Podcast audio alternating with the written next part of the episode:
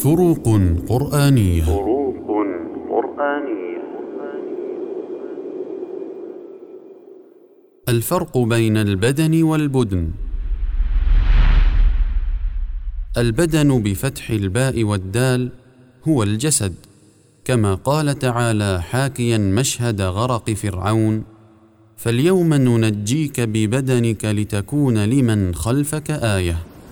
أي فاليوم نلقي بجسمك الذي خلا من الروح على مكان مرتفع من الأرض لتكون عبرة وعظة للأحياء الذين يعيشون من بعدك.